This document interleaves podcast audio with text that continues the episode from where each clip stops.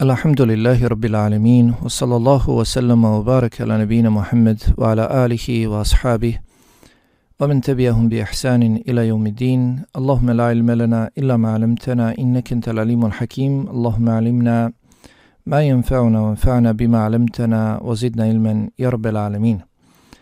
Sva slava i hvala pripadaju samo uzvišenom Allahu. Neka su slava i hvala uzvišenom Allahu onolika kolika je njegova veličina i koliko samo njemu uzvišenom Allahu i dolikuje. Neka su salavati i salami na Allahovog poslanika i miljenika Muhammeda Mustafa sallallahu alaihi wasallam, na njegovu časnu porodicu, sve njegove drugove ashabe i sve one koji ga dosljedno slijede do sudnjega dana. I danas, 18. dana mjeseca Ramazana, Mubarek mjeseca Ramazana, družimo se s hadisima Allahovog poslanika sallallahu alaihi wasallam koji govore o Kur'ani Kerimu, Allahovoj subhanahu wa ta'ala knjizi, o vrijednosti njenog učenja, izučavanja i rada po njoj, postupanja po njoj, kao i određenim osobinama kojima se treba okititi svaki onaj koji se druži s Kur'ani Kerimom, koji uči Kur'an, čita ga ili ga pamti na pamet. O svim ovim temama družimo se kroz hadisa Allahovog poslanika sallallahu alaihi wasallame koje je istaknuti učenjak Ahmed ibn Abdurazak al-Ankari hafidhahullahu ta'ala spomenuo u svojoj knjizi 40 hadisa o Kur'anu. Za danas 18. dana mjeseca Ramazana imamo dva hadisa. Imamo 18. i 19. hadis od 40 hadisa o Kur'anu. Pa u 18. hadisu autor kaže An Abdillah ibn Umar radijallahu anhuma anna Rasulallahi sallallahu alaihi wa sallam neha an yusafara bil Qur'ani ila erdil adu. Dakle, prenosi se od Abdullaha ibn Umara radijallahu anhuma da je Allahov poslanik sallallahu alaihi wasallam zabranio putovanje s Kur'anom u nevjerničku zemlju. Od Abdullaha ibn Omera radijallahu anhuma se prenosi da je Allahov poslanik sallallahu alaihi wasallam zabranio putovanje, zabranio da se putuje s Kur'anom, mushafom u nevjerničku zemlju. Kaže autor, a u muslimovom citatu stoji da je rekao vjerovjesnik sallallahu alaihi wasallam La tusafiru bil Qur'ani fa inni la amenu en jenalahu l'adu. Ne putujte s mushafom, ne putujte s Kur'anom, jer ja ne mogu vam garantovati da do njega neće doći neprijatelj. Ne mogu biti siguran da do njega neće doći neprijatelj. Prenosilac ovog hadisa je plemeniti ashab Abdullah ibn Omer ibn al-Khattab radijallahu anhuma. Dakle, Abdullah sin Omera ibn al-Khattaba radijallahu anh. Ashab sin ashaba. Abdullah je vrlo rano prihvatio islam u mladim godinama zajedno sa svojim ocem Omerom radijallahu anh i učinio hijđru u Medinu. Zbog svoje mlade dobi Abdullahu nije bilo dozvoljeno da učestvuje u bitkama, prvim bitkama, presudnim bitkama za islam, u bitkama na Bedru Juhudu, dok mu je doz dozvoljeno da učestvuje u bitci na Hendeku. Abdullah ibn Omer radijallahu anhuma bio je poseban ashab. Allahu poslanik sallallahu alaihi wasallam posvjedočio mu je dobrotu. Rekao je kako li je samo dobar Abdullah čovjek. Također, drugi ashabi, njegovi vršnjaci, posvjedočili su mu dobrotu i posvjedočili su mu da je on daleko bolji od njih. Ono što je karakteristično za Abdullaha ibn Omera, njegova posebna odlika kojom se izdvaja od svih drugih ashaba, jeste dosljednost u slijedjenju Allahovog poslanika sallallahu alaihi wasallam.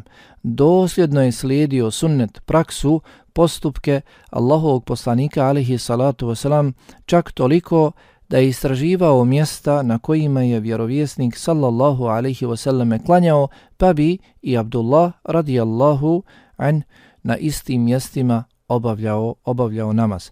Također, bio je mnogo darežljiv.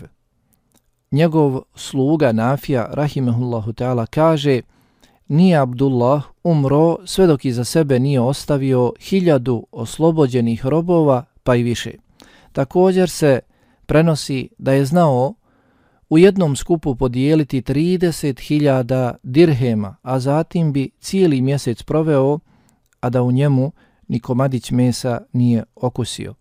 Iza smrti Allahovog poslanika sallallahu alaihi wasallam Abdullah je živio još 60 godina u kojima je podučavao druge ljude islamu onome što je naučio od svoga voljenog poslanika Muhammeda alaihi salatu wasalam i Abdullah je preselio na drugi bolji svijet 73. krajem ili početkom 74.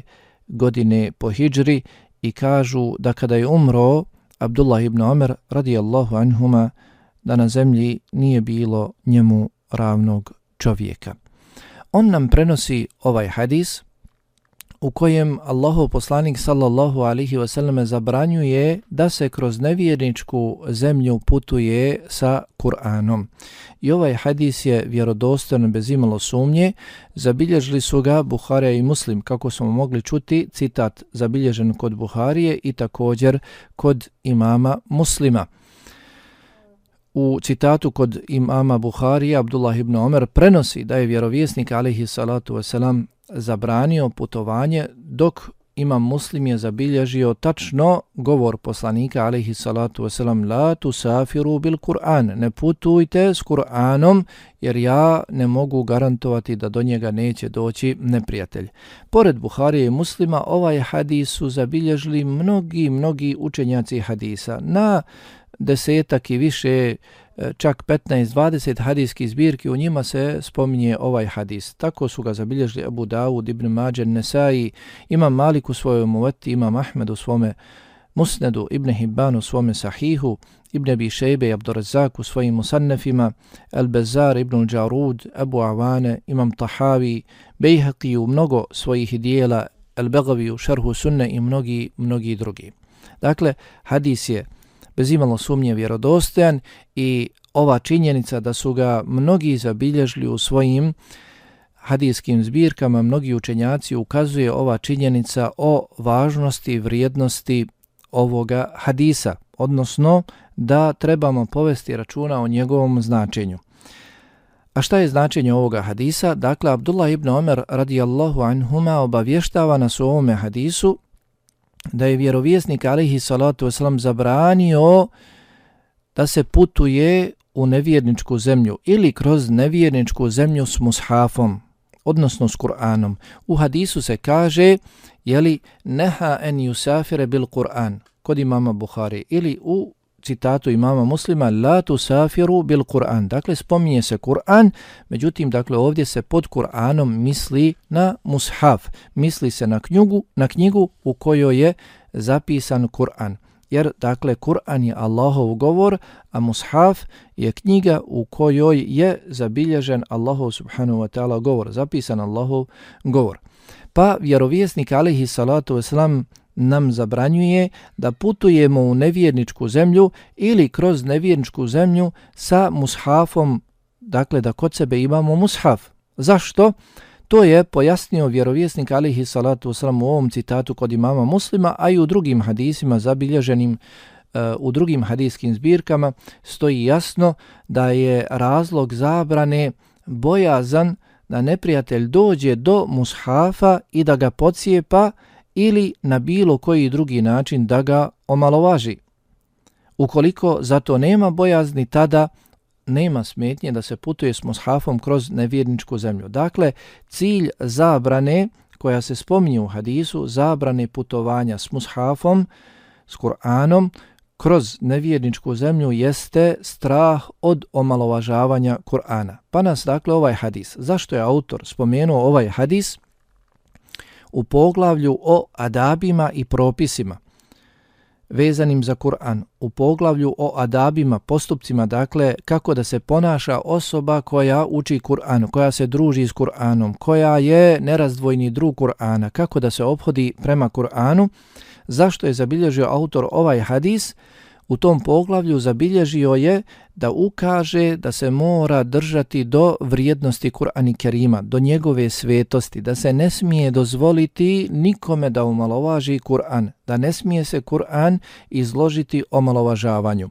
Pa u ovom hadisu jeste, spominje se zabrana omalovažavanja Kur'ana od strane nevjernika, odnosno da se izloži Kur'an nevjernicima pa da oni omalovažavaju, omalovažavaju Kur'an, da ga cijepaju, gaze, pale, jeli i slično. Dočim ukoliko ne postoji ta prijetnja, onda jeli nema smetnje putovati kroz nevjerničku zemlju. Međutim, kako rekoh, ovaj hadis je općenit. Ovaj hadis je općenit, prije svega misli se na omalovažavanje od strane nevjernika, a zatim i na bilo koju vrstu omalovažavanja Kur'ani, Kur'ani Kerima. Pa iz hadisa se zaključuje da je prije svega zabranjeno putovati s mushafom u zemlju, nevjerničku zemlju koja je u ratu s muslimanima i koja je neprijatelj muslimana, pa postoji velika vjerovatnoća i mogućnost da ukoliko dođu do mushafa da će ga zapaliti, da će se ismijavati s njim i slično. Zatim, to je što se tiče nevjernika. To je što se tiče neprijatelja Islama. Zatim, što se tiče svih drugih, naročito muslimana, obaveza je da vode računa o svetosti Kur'ana. Pa kaže imam Nevi Rahimehullahu Teala, svi učenjaci su složni kada je u pitanju obaveza poštivanja Kur'ana, poštivanja mushafa, svi islamski učenjaci su složni po pitanju te obaveze. Mora se poštivati Kur'an, mora se poštivati mushaf, dakle knjiga u koju je zabilježen Allahu subhanahu wa ta'ala govor. Svi islamski učenjaci su složni, nema razilaženja. Pa čak kaže, kada bi osoba bacila mushaf, bacila knjigu, dakle u kojoj je zabilježen Kur'an, mi to najčešće kažemo Kur'an, jeli? Međutim, tačniji, precizniji termin jeste mushaf. Kada bi osoba bacila mushaf u smeće, postala bi nevjernik, počinila bi nevjerstvo. Počinila bi nevjerstvo. Zato, dakle, treba voditi računa o svetosti Kur'ani Kerima. Zabranjeno je pisati u mushafu, po mushafu, dakle po Kur'anu, zabranjeno je pisati bilo kakvom nečistoćom, jer se time omalovažava mushaf, omalovažava Kur'an, Allahov govor. Zatim, pokuđeno je također ispisivanje Allahovog govora po podu ili na mjestima gdje će biti omalovažavan Kur'an, gdje će uzeti se kur'anski ajeti za omalovažavanje. Zatim, nije od lijepog ponašanja, ni od edeba, lijepih postupaka da se okrenu noge prema mushafu, da se okrenu noge prema mushafu. A haram strogo zabranjeno je staviti noge na mushaf, gaziti Kur'an, bacati ga na zemlju i slično. Zato je poznato da sihrbazi se bave ovim postupcima, čine ove postupke i nema smetnje u njihovo, nema sumnje u nevjerstvo, u nevjerstvo sihrbaza, jer oni upravo pišu po mushafu nečistoćom ili pišu kuranske ajete nečistoćom, gaze mushaf, bacaju ga na nečista mjesta i slično. Vjernik, istinski, iskreni vjernik, posebno onaj koji se druži s Kur'an i Kerimom, mora da vodi računa o svetosti Kur'ana, pa da ne dozvoli ni na bilo koji način da se on omalovažava. Mushaf knjiga u koju je zapisan Allahu subhanahu wa ta'ala govor mora da se drži na visokom mjestu, no, uzvišenom mjestu u kući, da se ne drži na stolu, na polici, dakle dole ispod gdje se spuštaju noge. Čak, dakle, spominje se u govoru Muhameda ibn Saliha Usajmina, istaknutog učenjaka našeg vremena, da je također rekao da nije lijepo, odnosno zabranjivao je da se pušta učenje Kur'ana u autu ukoliko postoje dakle zvučnici dole jeli pored nogu, sa strana pored nogu, jer bi, dakle, Kur'an se puštao dole kod nogu i na takav način ne bi se vodilo računa o njegovoj, njegovoj svetosti. Zatim, e, kao što je poznato također, da ne treba pretjerivati u ukrašavanju, uljepšavanju Kur'ana, mushafa, da se ispisuje sa nekim posebnim bojama, sa nekim posebnim slovima, poput dakle srebrnim, zlatnim jeli, e, bojama i slično, ili dakle nitima. Pa prenosi se od Abdullah ibn Mas'uda radijallahu talan kada je vidio takvo nešto da je rekao najljepše sa čime se može ukrasiti mushaf jeste njegovo učenje. Čime se može ukrasiti mushaf? Hoćeš da ukrasiš mushaf, knjigu iz koje učiš, jeste da je učiš, a ne dakle da je ispisuješ ovim ili onim bojama. Nije u redu i to treba stalno napominjati jer se dešavaju ti propusti Svakako, dakle, e, ti propusti ne dešavaju se namjerno, ali nema smetnje, potrebno je da se stalno ukazuje. Često se kaže mali Kur'an. Kur'an e, je li malog formata i ostalo. Nije u redu da se na takav način kaže za Kur'an. Svakako, moz, moz da se ono misli na mushaf. Kada se o tome govori, misli se na mushaf knjigu, pa neka se kaže mushaf malog formata. Iako, dakle, e, nije u redu ni da se za mushaf kaže u diminutivu, da se spomnje u diminutivu, dakle umanjenom, kao dakle i mesčit također. Pa se bilježi od Ibnu Musejjeba da je rekao nemoj da neko od vas govori mushafić ili mesđidić, jer su oni Allahovi a Allah je uzvišen, Allah je velik, Allah je najveći i sve ono što dolazi od Allaha subhanahu wa ta'ala i to je dakle veliko i to je i to je uzvišeno. Pa dakle nije u redu čak da se i za mushaf kaže mali mushaf i slično. Kada se govori, dakle neka se kaže mushaf manjeg formata, a ne da se umanjuje riječ mushaf i također mesčid, a pogotovo da se kaže mali Kur'an i slično, jer Kur'an je Allahov govor. Doslovno, Kur'an je Allahov govor. Dakle, ovaj hadis Abdullah ibn Omera radijallahu anhuma postiču nas, ovaj nas hadis postiče sa oba svoja citata i kod Buhari i kod muslima da vodimo računa o svetosti, svetosti Kur'ana.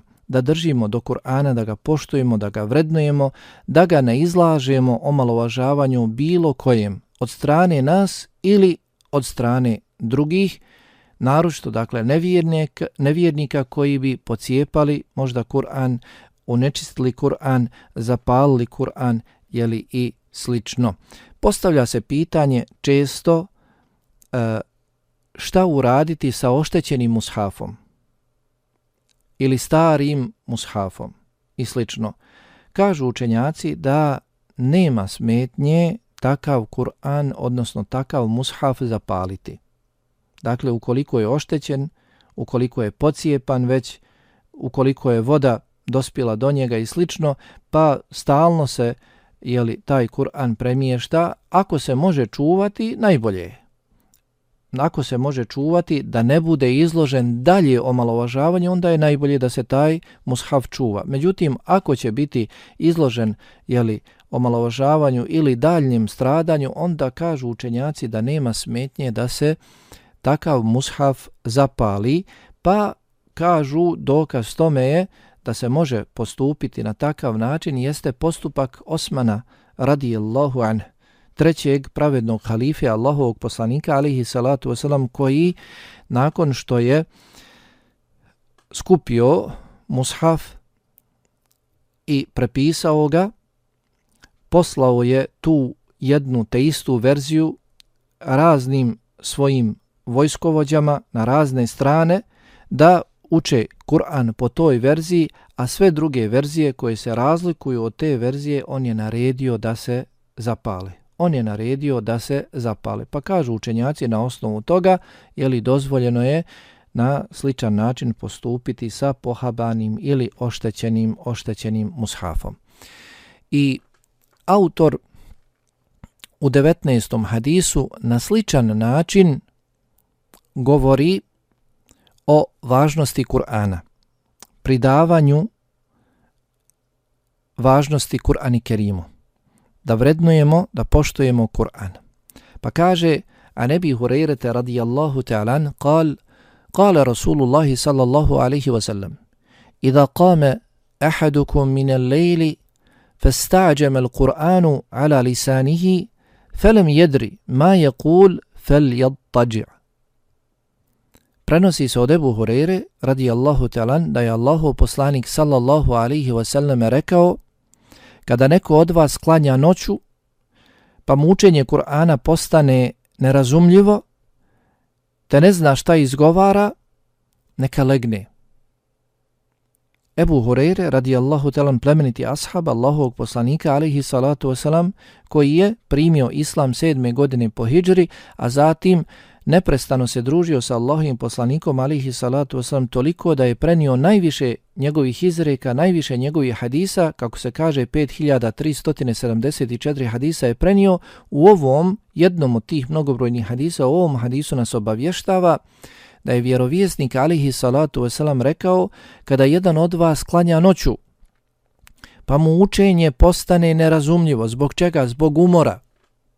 Kada neko od vas klanja noću, noćni namaz, pa mu učenje Kur'ana postane nerazumljivo, odnosno počne da prepliće riječi iz Kur'ana, kur'anske ajete, da možda tokom svoga učenja promijeni značenje zbog svoje pospanosti.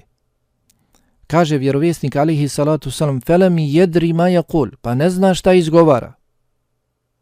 Kaže ovako, pa na drugi način, pa vrati se, popravi se, dakle zbog pospanosti, zbog umora, svakako uči Kur'an. Kaže vjerovjesnik alihi salatu wasalam, fel jad neka legne.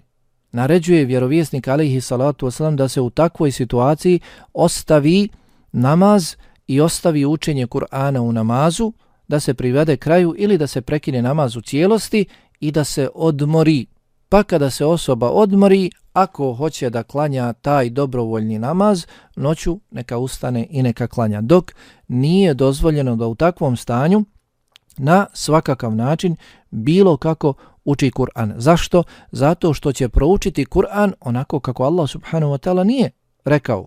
Proučit će određene kur'anske ajete ili sure, učit će nerazumljivo, pomiješano, onako kako Allah subhanahu wa ta'ala nije objavio u svojoj knjizi. Stoga dakle i ovaj hadis nas postiče da vodimo računa o Kur'an Kerimu, da mu pridamo pažnju koja mu dolikuje. Pa ukoliko smo umorni, ukoliko smo pospani, vjerovjesnik alihi salatu wasalam nam naređuje da u takvom stanju ne učimo Kur'an, iako je dakle učenje Kur'ana posebno vrijedno, to je jedan od najboljih zikrova načina spominjanja Allaha subhanahu wa ta'ala, međutim, ako učenje u takvom stanju pospanosti umora rezultirat će neispravnim učenjem, pogrešnim učenjem, pravit će se ogromne greške gdje će se promijeniti značenje proučenog ajeta, tada nam nije dozvoljeno u takvom stanju da učimo Kur'an, već vjerovjesnik alihi salatu oslam nam naređuje da legnemo, da odmorimo, pa poslije, ukoliko je riječ o dobrovoljnom namazu, ako hoćemo da ga, da ga poslije i klanjamo. Dakle, ovdje u ovom hadisu spominje se noćni namaz i dakle prvenstveno hadis se odnosi na taj namaz, na noćni namaz, međutim kako kažu komentatori hadisa, ovakav slučaj je sa svakim namazom, pa čak i obaveznim. Pa čak i obaveznim. Jer se Kur'an uči i u obaveznim namazima. Pa ukoliko osoba bude umorna, bude umorna, bude pospana i kod obaveznog namaza, ako namasko vrijeme je duže, ako je namasko vrijeme duže, može da malo legne da odmori, onda čak kažu i kod obaveznih namaza da nije dozvoljeno da osoba umorna, pospana, klanja obavezni namaz, dakle farz namaz, pa da na ovakav način uči Kur'an. Dakle, da miješa kuranske ajete, da ih nepravilno uči prilikom čega se mijenja značenje tih tih ajeta. Također iz ovog hadisa se može izvući sličan zaključak i po pitanju zijevanja. Desi se dakle da je osoba pospana, ali ne toliko vlada još uvijek sobom, može da uči Kur'an u namazu, međutim zijeva. Tokom zijevanja nije dozvoljeno da se uči Kur'an. Zašto? Zato što prilikom zijevanja dolazi jel tako do glasova, dodatnih glasova gdje se mijenja značenje.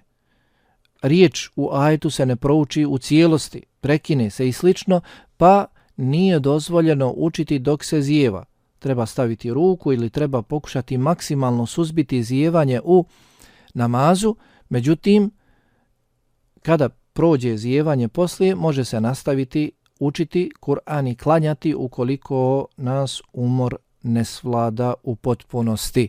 Ali, dakle, kada se zijeva, nije dozvoljeno da se uči Kur'an jer tada dolazi do, zasigurno do izmjene u učenju kuranskih ajeta i njegova njegova značenja.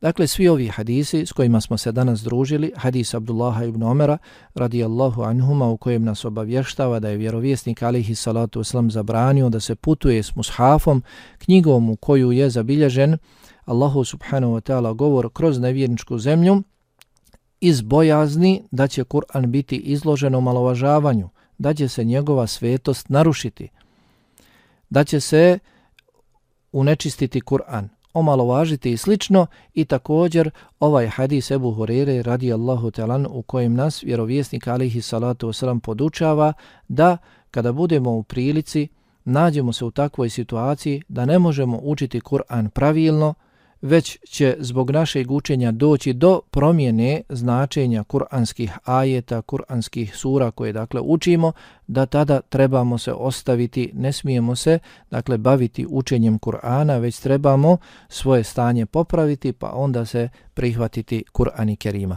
Molim Allaha subhanahu wa ta'ala da nam podari svijesti o važnosti Kur'an i Kerima, da se s njim družimo što je god moguće više, ali na ispravan način, onako kako Allah subhanahu wa ta'ala to traži od nas, da mu pridamo maksimalnu pažnju, da ga učimo onako kako je uzvišeni Allah ga i objavio, kako ne bismo mijenjali njegova značenja, dodavali bilo šta od sebe i na takav način, dakle, čuvali njegovu svetost u potpunosti. Molim Allaha subhanahu wa ta'ala da ove riječi koje sam kazao i koje ste čuli budu dokaz za nas, a ne protiv nas.